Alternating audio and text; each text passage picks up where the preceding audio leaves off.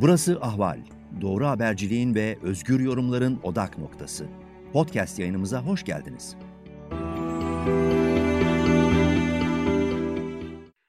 Merhaba sevgili dinleyiciler. Ankara'dan yeni bir gündemi değerlendirmek üzere ben Zülfikar Doğan tekrar karşınızdayım.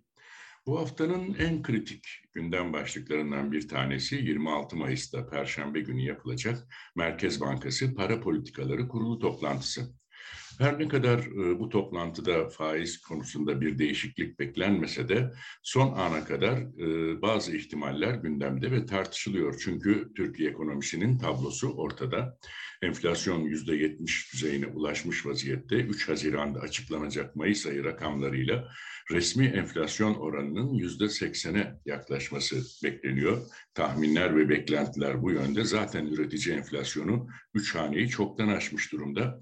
Hatta e, Haziran ayından sonra resmi tüketici enflasyonunda üç haneyi yükselmesi büyük olasılık. Tabii böyle bir durumda e, politika faiziyle yüzde on dörde düşürülen politika faiziyle şu anda yüzde yetmiş olan enflasyon arasında 52 puanlık bir fark var.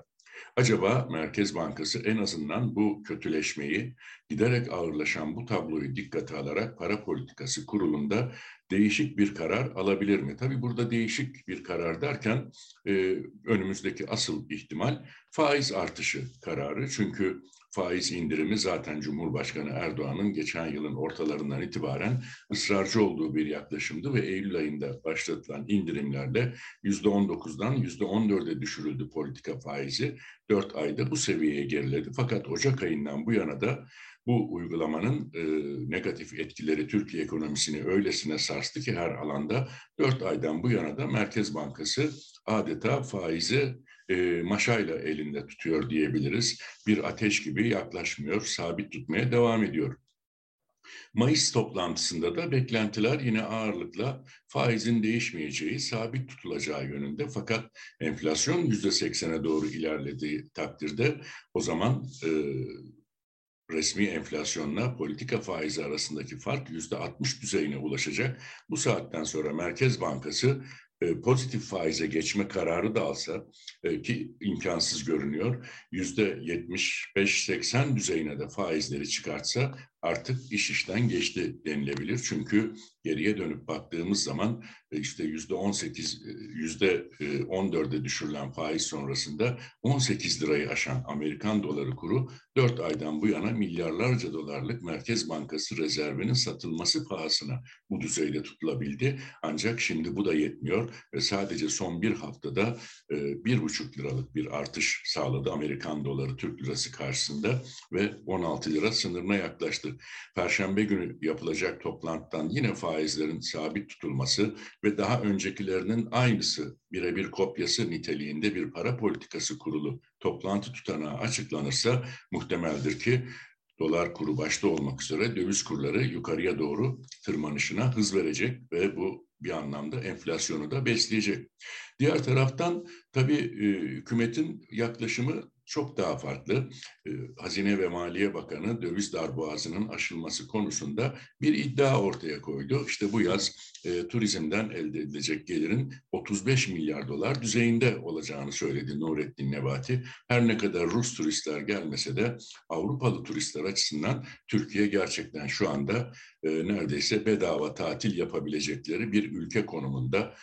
35 e, milyar dolarlık hedef tutturulsa bile, beklentiler bu yönde gerçekleşse bile 30 milyar doları aşan dış ticaret açığı şu an itibariyle ve 18 milyar doları aşan cari açık rakamları göz önünde bulundurulduğunda 35 milyar dolarlık bir turizm geliri Türkiye'nin döviz krizine, döviz yarasına merhem olmaktan çok uzak. Dolayısıyla Cumhurbaşkanı Erdoğan e, gençlerle 19 Mayıs'ta yaptığı toplantıda e, yine 2023 yılının yeni bir başlangıç olacağını, kendi iktidarlarında Türkiye'yi yeni yerlere taşıyacaklarını söyledi ki bunu daha önce 2011 yılında söylemişti. 2023 vizyonunu ilan etmişti o dönemde. Ardından da 2053 vizyonunu gündeme getirdi. 2053 vizyonunun içeriği tam olarak bilinmiyor ancak gençlere 2053 vizyonuna sahip çıkın dedi. Biz sizlere güveniyoruz dedi. İşte Türkiye'de gençlerin geleceğini yine biz kurabiliriz dedi. Tabii şöyle bir baktığınızda 2002 yılında AKP iktidara geldiğinde doğan çocuklar bugün 20 yaşında. Dolayısıyla şimdi siz onlara 31 yıl sonrası için, 2053 yılı için bir vizyon vaat ediyorsunuz. Gençler için bu ne kadar kabul edilebilir, ne kadar gerçekçi bir vaat. Onu da gençlerin herhalde sorgulaması gerekiyor. Çünkü şu anda e, bazı anketlerde yüzde yetmişi gençlerin yurt dışına gitmek istiyor, yurt dışında yaşamak istiyor. Gelecek umutları büyük ölçüde tükenmiş vaziyette. Genç işsizlik oranı e, yüzde yirminin üzerinde ve Avrupa'da OECD ülkeler arasında en üst sıralarda. Fakat buna rağmen Cumhurbaşkanı Erdoğan gençlere böyle bir vizyon vaat ediyor ama bu vizyonu vaat ederken de Hazine ve Maliye Bakanlığı'nın açıkladığı bütçe gerçekleşme rakamları e, bunun altını büyük ölçüde boşaltıyor. Çünkü e, rakamlara baktığımız zaman neredeyse e, Ocak-Nisan dönemi itibariyle 4 ayın sonunda 2022 yılı bütçesinin harcama ödeneklerinin yarısına yakını tüketilmiş durumda yüzde 45,1'i harcanmış. E, bu süreç içerisinde 768 milyar liralık, özür dilerim 786 milyar liralık harcama yapılmış. Oysa 2022'nin tamamı için bütçede yer alan harcama ödeneklerinin toplamı 1,7 trilyon liraydı.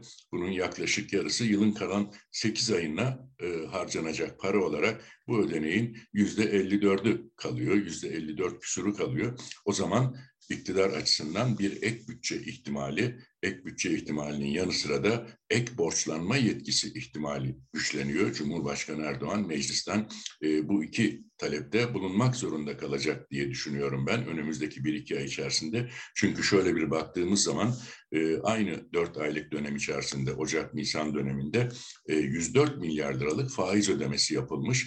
E, tabii kur korumalı mevduat e, gündeme getirilmişti hatırlayacaksınız. Aralık ayında e, döviz kurları olağanüstü yükselişe geçince kur farkı garantisi ve faiz garantisiyle böyle bir banka hesabı e, icat edilmişti. Moody'lere, tasarruf sahiplerine bu imkan sunuldu. Mart ayında 12 milyar lira düzeyinde bir ödeme yapıldı. Kur farkı ve faiz olarak hazineden ve bütçeden. Nisan ayında ise 5,5-5 milyara yaklaşan bir tutar ödendi. Dolayısıyla sadece kur korumalı mevduatın 2 aylık maliyeti 16 milyar lirayı aşıyor.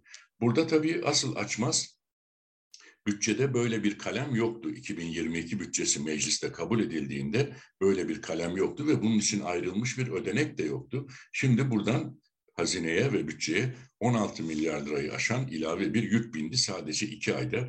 E, kurlar şimdi 14,5 liradan 16 liraya yükselince dolar kuru bu garanti ödemelerinin tutarı da daha da artacak. Dolayısıyla bu kur ve faiz ödemelerini de kur, korumalı hesaplar için yapılan kur ve faiz ödemelerini de faiz giderleri arasında saymak en mantıklı ve ekonomik açıdan maliye politikalar açısından doğru olan bir yaklaşım.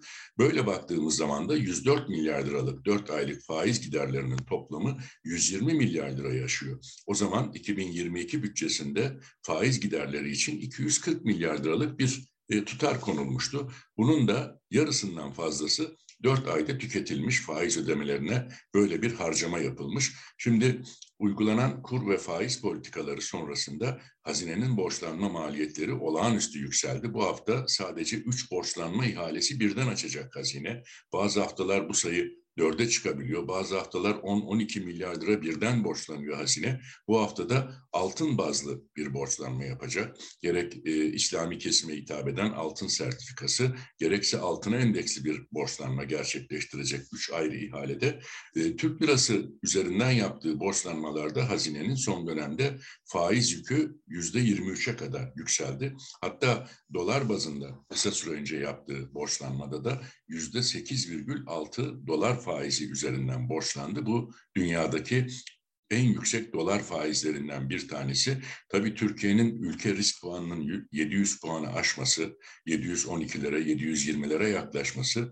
Diğer taraftan içinde bulunan döviz darboğazı, Merkez Bankası rezervlerinin büyük ölçüde tükenmiş olması Türkiye'nin risklerini artırıyor ve bu dış piyasalardan yapılacak borçlanmalarda da maliyeti yükseltiyor. E, muhtemeldir ki benim değerlendirmem yüzde 8,6'lık son dolar borçlanmasında verilen faizden sonra önümüzdeki süreçte yurt dışından hazine döviz olarak borçlanmak istediğinde çift haneli faizler ödemek zorunda kalacak. Bu da hazinenin, bütçenin faiz yükünü şu anda 2022 e, bütçesinde yer alan 240 milyar liranın iki katına, üç katına e, çıkartacak. O yüzden de e, Cumhurbaşkanı Erdoğan'ın başkanlığındaki iktidarın meclisten ilave bir borçlanma yetkisi talep etmesi önünde duran yegane seçenek gibi görünüyor. Bu tablo tabii Türkiye ekonomisini nereye götürür? Çünkü Mart ayında 68 milyar lira bir ayda açık verdi bütçe.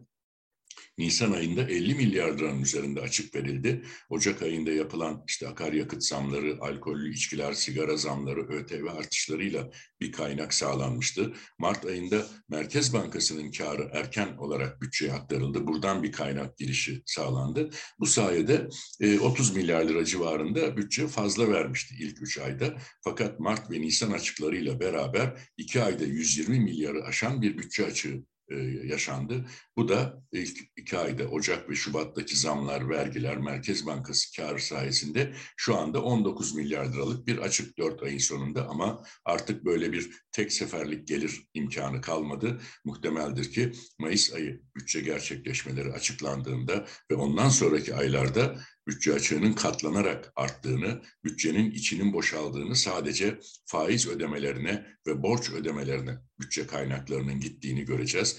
Temmuz ayı yaklaşıyor. Temmuz ayında memurlara, emeklilere, e, asgari ücretlilere, işçilere e, enflasyon farkı ve maaş artışlarının yapılması gerekiyor. Şu anda enflasyon farkı sadece yüzde kırka ulaşmış durumda. Dört ayın sonunda gelinen yüzde yetmişlik enflasyonla birlikte Ocak ayından bu yana sadece enflasyon farkı olarak maaşlara bu düzeyde yüzde 40 düzeyinde bir zam yapılması gerekiyor. Mayıs, Haziran, Temmuz enflasyonları buna eklendiğinde bu kaynaklar nereden bulunacak, nasıl karşılanacak? İşte burada siyasi kulisler yeniden hareketlenmiş durumda. Bu sürdürülemez döviz, enflasyon, faiz ve bütçe tablosu karşısında e, Cumhurbaşkanı Erdoğan'ın erken seçimi yeniden gündemine alabileceği tartışmaları başladı. Çünkü e, Temmuz ayında az önce bahsettiğim kesimlere, geniş kesimlere yapılacak yüksek oranlı maaş zamları, arkasından işte ekonomikte, e, e, emeklilikte yaşa takılanlar, çiftçi kesimine, esnaf kesimine bir takım destek paketlerinin açıklanmasının sonrasında 2-3 ay içerisinde de e, sonbaharda bir seçimi hükümetin gündemine alabileceği, aksi takdirde 2023 Haziran'ına kadar bu koşullar, bu koşullarda ekonominin yürütülemez ve yönetilemez hale geleceği, iktidarın oy kaybını daha da dip noktalara ilerleteceği yönünde tespitlerde bulunuyor ki ben de bu tespitlerin e, önemli bir bölümüne katılıyorum. Çünkü şu anda bile e, ekonomi her ne kadar diğer siyasi tartışmalarla biraz geri plana itilmeye çalışılsa da halkın birinci gündemi tüm anketlerde, kamuoyu araştırmalarında bu böyle. O yüzden de e, Cumhurbaşkanı Erdoğan'ın e, 20 yıllık iktidarının sonunda böyle bir siyasi manevrayla Temmuz ayında geniş kesimleri rahatlatacak, tabii bunu para basarak yapacak geniş kesimleri rahatlatacak bir takım zamlar, ücret artışları, e, ilave destek paketlerinden sonra sonbaharda bir seçim diye ortaya çıkması şaşırtıcı olmaz, sürpriz olmaz diye düşünüyorum. Ben Zülfikar Doğan, Ankara'dan sizlere şu anda aktaracaklarım bunlar. Önümüzdeki yayınlarda tekrar birlikte olmak dileğiyle hepinize hoşçakalın diyorum sevgili dinleyiciler.